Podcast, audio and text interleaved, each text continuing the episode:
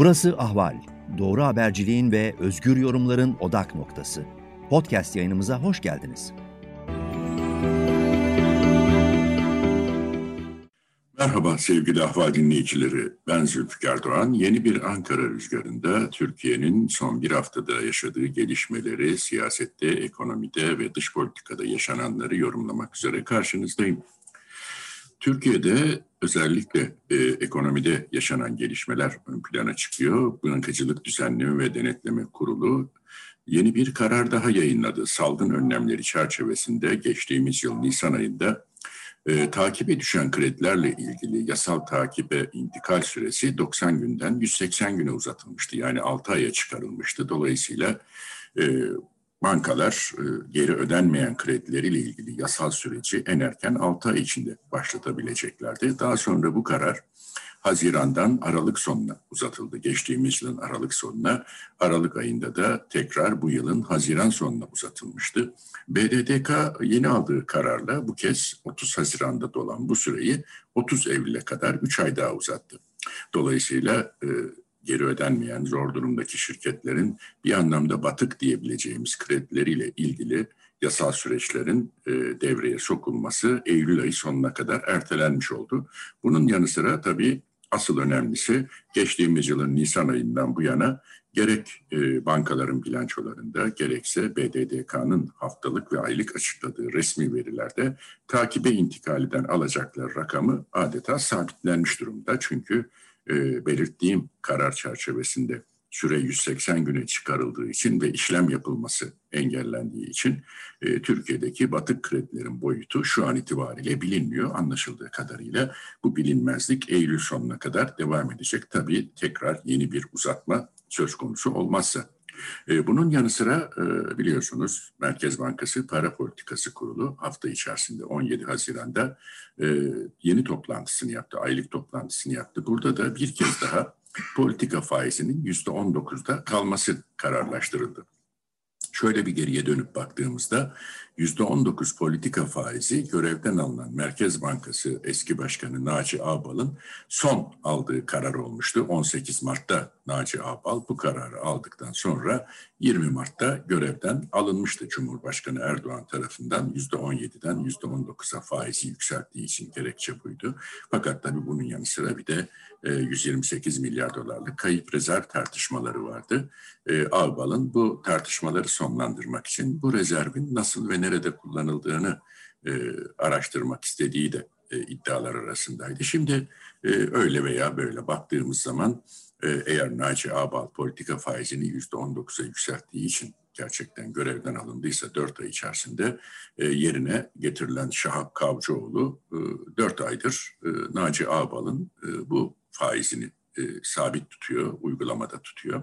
Dolayısıyla Mart, Nisan, Mayıs ve Haziran aylarında politika faizi değişmedi. Ancak Cumhurbaşkanı Erdoğan, Naci Ağbal'ı görevden alarak gösterdiği tepkiyi e, bir iki hafta önce de katıldığı bir televizyon programında yeni başkana da dolaylı olarak ifade etti. Artık politika faizinin, faizlerin düşmesi zamanı geldi dedi. Hatta Temmuz, Ağustos aylarını işaret etti. O yüzden de şöyle bir baktığımız zaman e, Profesör Kavcıoğlu, Merkez Bankası Başkanı bir anlamda Cumhurbaşkanı'nın beklentilerini karşılamak açısından e, 17 Haziran'daki toplantıda son şansını kullandı. Faizleri sabit tutarak ama bir yandan da enflasyondaki artış devam ediyor. Enflasyon yükselirken faiz indirimine gidilmesi yani negatif faize geçilmesi döviz kurlarını tırmandıracak. Böyle bir endişe var. E, Merkez Bankası Para Politikası Kurulu toplantısı sonrasında yayınlanan tutanak metninde de bu ifade vurgulanıyor. E, enflasyonda fiyat istikrarı sağlanıncaya kadar tek haneli enflasyon hedefine ulaşma doğrultusunda e, enflasyonun üzerinde faiz verilmeye devam edilecektir deniliyor ama tabii e, Başkan Kavcıoğlu bu yaklaşımı nereye kadar sürdürebilecek? E, Temmuz ve Ağustos aylarındaki para politikası kurulu toplantılarında da eğer e, bir faiz indirimi gerçekleşmezse doğrudan Cumhurbaşkanı Erdoğan'la Başkan Kavcıoğlu karşı karşıya gelmiş olacak. Bu da tabii kimin e, bu süreçten galip çıkacağının e, belli olduğunu gösteriyor. Cumhurbaşkanı Erdoğan e, tek satırlık bir kararnameyle daha önceki üç başkanı yaptığı gibi Kavcıoğlu'nu da görevden alabilir.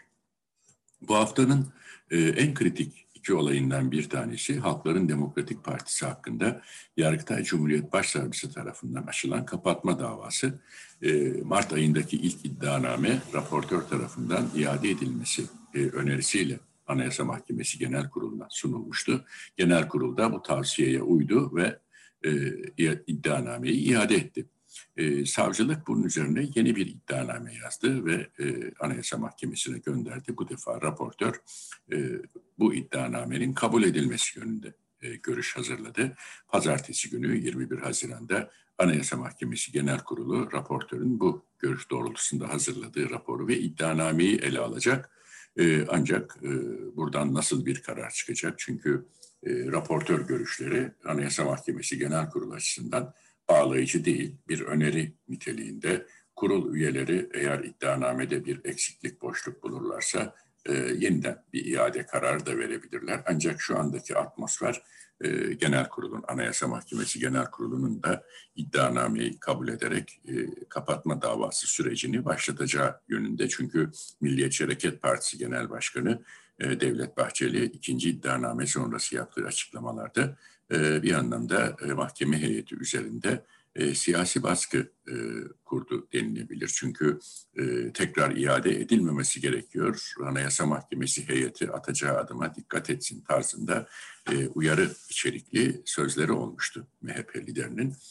Şimdi süreç başladığı takdirde ne olacak? E, tarafların savunmaları istenecek, belgeler istenecek, deliller istenecek. Aslında uzun bir süreç bu. Fakat e, şayet eğer niyet kapatma yönündeyse bunun yolu yöntemi de bir şekilde bulunabilir e, diye siyasi kulislerde yorumlar yapılıyor. Çünkü HDP hakkında devam eden işte Kobani davası var. E, burada da HDP'nin üst yöneticilerinin büyük bölümü yargılanıyor. Siyaset yasa talebiyle yargılanmaları gündemde. E, diğer taraftan çok sayıda dokunulmazlık fezlekesi meclise gelmiş durumda HDP milletvekilleri ve yöneticileriyle ilgili bu 3-4 koldan yürüyen sürecin e, HDP aleyhine nasıl bir sonuç vereceğini önümüzdeki günlerde göreceğiz. E, bunun yanı sıra e, bir diğer önemli olay e, pazartesi günü Cumhurbaşkanlığı kabinesi e, Cumhurbaşkanı Erdoğan başkanlığında toplanacak. E, Erdoğan kendisi daha önce de açıklamıştı bu kabinenin gündeminde özellikle yeni salgın önlemleri yer alacak. Çünkü bir e, ikinci gevşeme, ikinci normalleşme aşaması beklentisi var. E, vaka sayıları günlük e, 5 bin dolaylarında geriledi. Vefat sayılarında 50-60 dolayında bir düşüş söz konusu. Diğer yandan aşılama kampanyaları da büyük ölçüde hız kazanmış vaziyette. O yüzden böyle bir e, yeni normalleşme adımı e, gündeme gelebilir. Bunlar arasında restoran, kafe, lokanta gibi işletmelerin e, paket servis ve e, masa servisi sürelerinin e, gece 10'a kadar uzatılması. Şu anda bu saat 21'de doluyordu. Temmuz ayından itibaren de bu sürenin 24'e kadar uzatılması yönünde bir karar çıkması bekleniyor. Bunun yanı sıra e, pazar günü devam eden sokağa çıkma yasaklarının kaldırılabileceği e, pazartesi günü yapılacak toplantıda böyle bir kararın çıkabileceği de e, kulislere yansıyan bilgiler arasında. Tabii e, Sedat Peker ve e, Sezgin Baran Korkmaz'ın ifşaatlarının e, yarattığı sarsıntı hala devam ediyor. Her gün yeni bir iddia ortaya atılıyor. E, bu arada e, Sezgin Baran Korkmaz'ın Avusturya'da kaldığı yerde gözaltına alınması ve e, iade süreciyle ilgili girişimin Türkiye tarafından gündeme getirilmesi yanında Amerika Birleşik Devletleri'nin bu tutuklamayı istediği e, belirtiliyor. Dolayısıyla eğer bir iade süreci söz konusu olursa Sezgin Baran Korkmaz Türkiye'ye mi gönderilecek, Amerika'ya mı iade edilecek bu konudaki kararı Avusturya Mahkemesi verecek. Avusturya Mahkemesi bu e, taleplerin aksi yönde de bir karar verebilir. Çünkü Sezgin Baran Korkmaz olası Türkiye'ye iade talebi konusunda muhtemelen e, bir takım siyasi bağlantılarını Türkiye'ye geldiği takdirde e, işkence görebileceğini, siyasi baskı görebileceğini iddia ederek bu iadeyi durdurmaya çalışacaktır.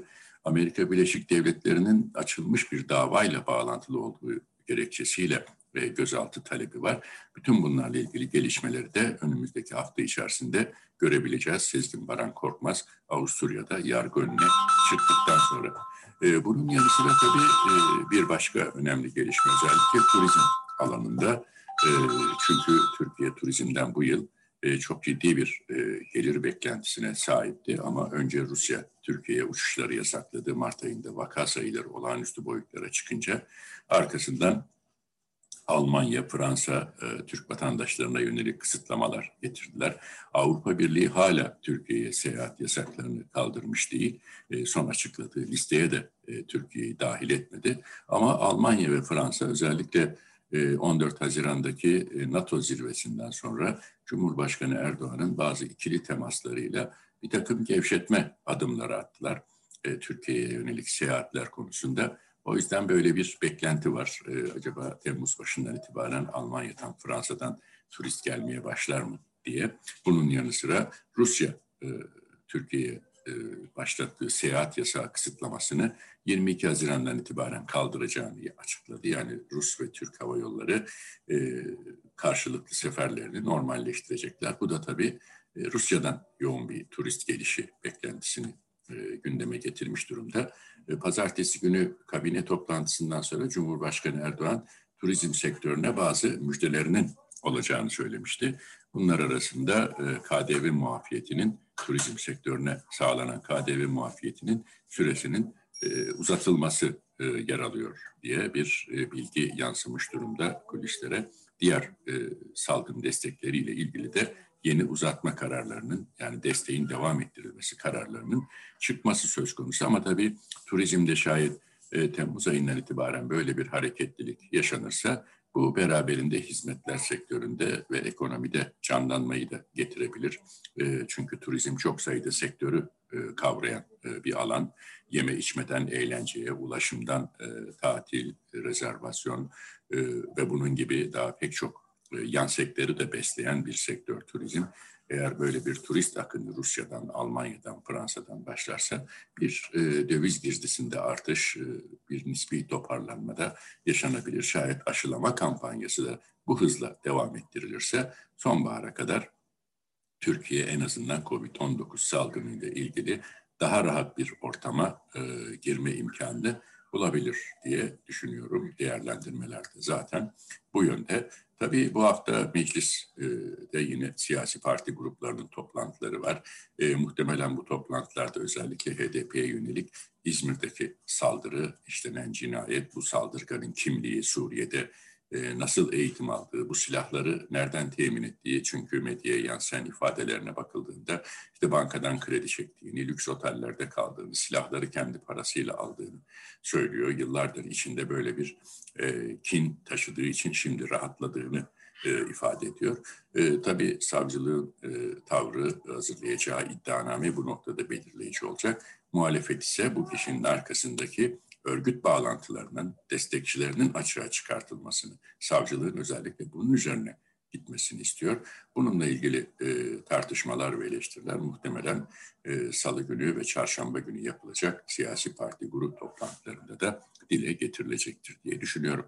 Türkiye'nin gündemine ilişkin olarak sizlere şu ana kadar aktardıklarımın dışında tabii e, Cumhurbaşkanı Erdoğan'la Amerika Birleşik Devletleri Başkanı Biden'ın e, uzun süredir e, hemen hemen Türkiye'de siyasetin odaklandığı 14 Haziran randevusu vardı. Bu randevu gerçekleşti. Sonrasında çok somut açıklamalar yapılmadı. Çünkü baş başa e, bir görüşme yapıldı. Uzun süren bir baş başa görüşme. Daha sonra heyetler arası görüşmeye geçildi. Bu baş başa görüşmenin içeriğine ilişkin e, fazla bir bilgi yok ama atılan bazı adımlar e, muhtemelen bu baş başa görüşmenin içeriğiyle ilgili de bilgiler vermiş olacak. Bu adımları da önümüzdeki günlerde Cumhurbaşkanı Erdoğan tarafından atıldıkça görme imkanına kavuşacağız. Ama ilkini en azından e, Kabil'de Türk askerinin kalmaya devam etmesi e, konusundaki mutabakat olduğunu söyleyebiliriz. Türkiye böyle bir e, jest yapmış oldu Biden'a. Biden de bu jesti kabul etmiş görünüyor. Önümüzdeki günlerde bu konudaki nihai karar e, açıklanacak. Dolayısıyla muhtemelen Türk askeri Kabil'de uluslararası havaalanının korunması görevini sürdürmeye devam edecek. Benim sizlere Ankara'dan şimdilik aktaracaklarım bunlar. Yeni gelişmeler oldukça sıcak e, yorumlarla, değerlendirmelerle tekrar karşınızda olacağım. Ben Zülfikar Doğan. Hepinize şimdilik hoşçakalın diyorum sevgili ahval dinleyiciler. Ahval podcastlerini tüm mobil telefonlarda Spotify, SoundCloud ve Spreaker üzerinden dinleyebilirsiniz. Apple iPhone kullanıcıları bize iTunes üzerinden de ulaşabilir. Türkiye'nin ve hayatın cıvıl cıvıl sesleri Ahval Podcast dizisinde. Kulağınız bizde olsun.